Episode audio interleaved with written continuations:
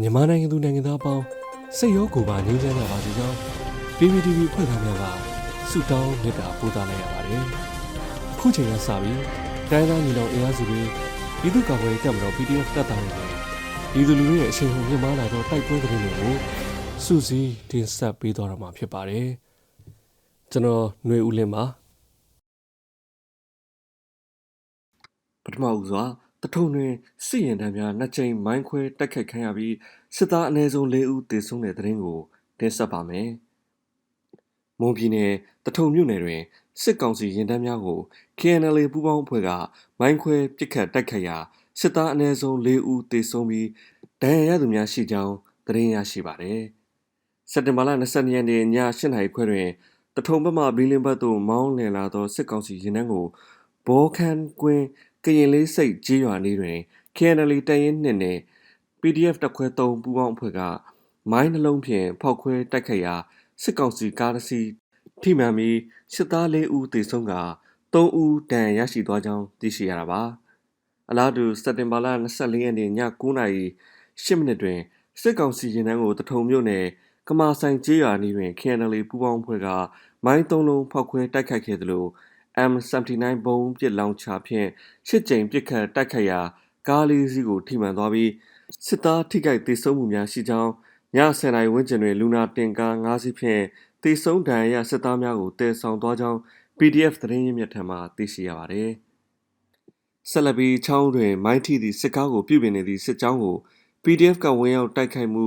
စစ်သား၈ဦးသေဆုံးပြီးလက်နက်၃လက်ရရှိတဲ့သတင်းကိုဆက်လက်တင်ဆက်ပါမယ်။စကိုင်းတိုင်း6ဦးမြို့နယ် မုံရွာမန္တလေးကားလမ်းပေါ်တွင် မိုင်းထီသည့်စစ်ကားကို ပြုပြင်နေသည့်စစ်ကြောင်းကို PDF ကဝင်ရောက်တိုက်ခိုက်ရာစစ်သား၈ဦးသေဆုံးပြီးလက်နက်၃လက်ရရှိကြောင်းချောင်းမြို့နယ်ပြည်သူ့ကာကွယ်ရေးတပ်ဖွဲ့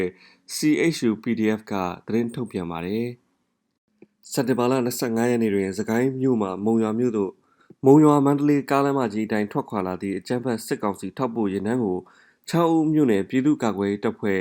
CHU PDF ကချောင်းဦးမြို့နယ် ခင်မိုကျေးရွာကြားတွင် မိုင်းဆွဲတိုက်ခိုက်သဖြင့်စစ်ကားတစ်စီးပျက်စီး၍ရပ်တန့်သွားခဲ့ရာအဆိုပါစစ်ကားကိုအခြားစစ်ကားတစ်စီးမှစစ်သားများကရပ်တန့်ကူညီခဲ့ကြကြောင်းပြည်သူ့ကာကွယ်ရေးတပ်များကကားပြုပြင်နေသည့်စစ်ကြောင်းကိုဝင်ရောက်တိုက်ခိုက်ရာစစ်သား9ဦးနှင့်ခင်မွန်အခြေစိုက်နာမခစစ်သား2ဦးစုစုပေါင်းစစ်သား6ဦးသေဆုံးခဲ့ကြောင်းအခြားစစ်သား2ဦးကိုလည်းဒဏ်ရာဖြင့်အရှင်ဖမ်းဆီးရမိခဲ့တော်လဲဒဏ်ရာကြောင့်သေဆုံးသွားကြောင်းသိရှိရပါတယ် စစ်သားများထံမှ BA72G1 တလက် MA3 တလက် BA94 ဦးစီးတလက်7.62ကပ္ပစ20တောင်း5.56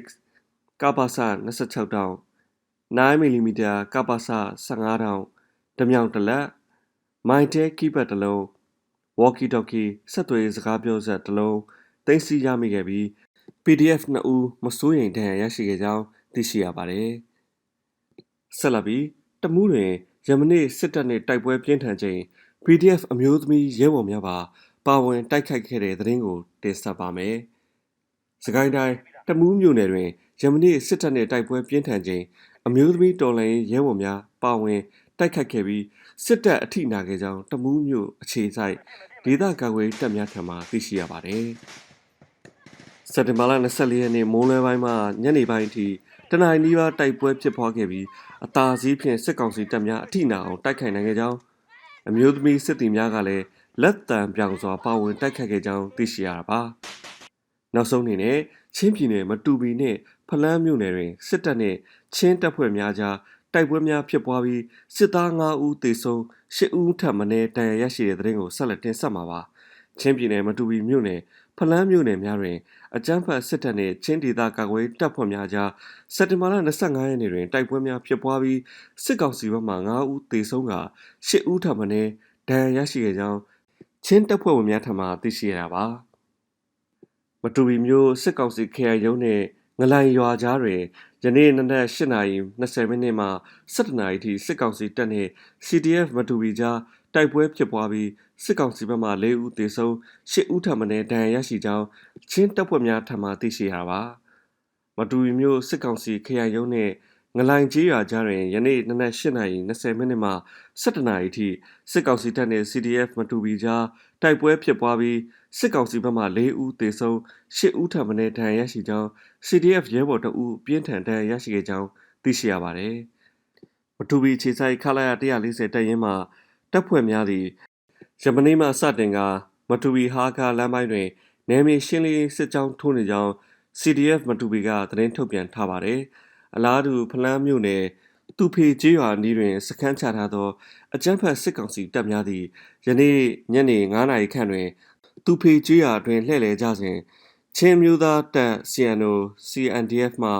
အလင့်ငိုက်ဝင်းရောက်တိုက်ခိုက်ခဲ့ရာအကြမ်းဖက်စစ်ကောင်စီတပ်သားတအူသေဆုံးကြောင်းနဲ့ CNDF တပ်ဖွဲ့များအထိခိုက်မရှိစုခွာနိုင်ခဲ့ကြောင်းသိရှိရပါတယ်ခင်ဗျာ။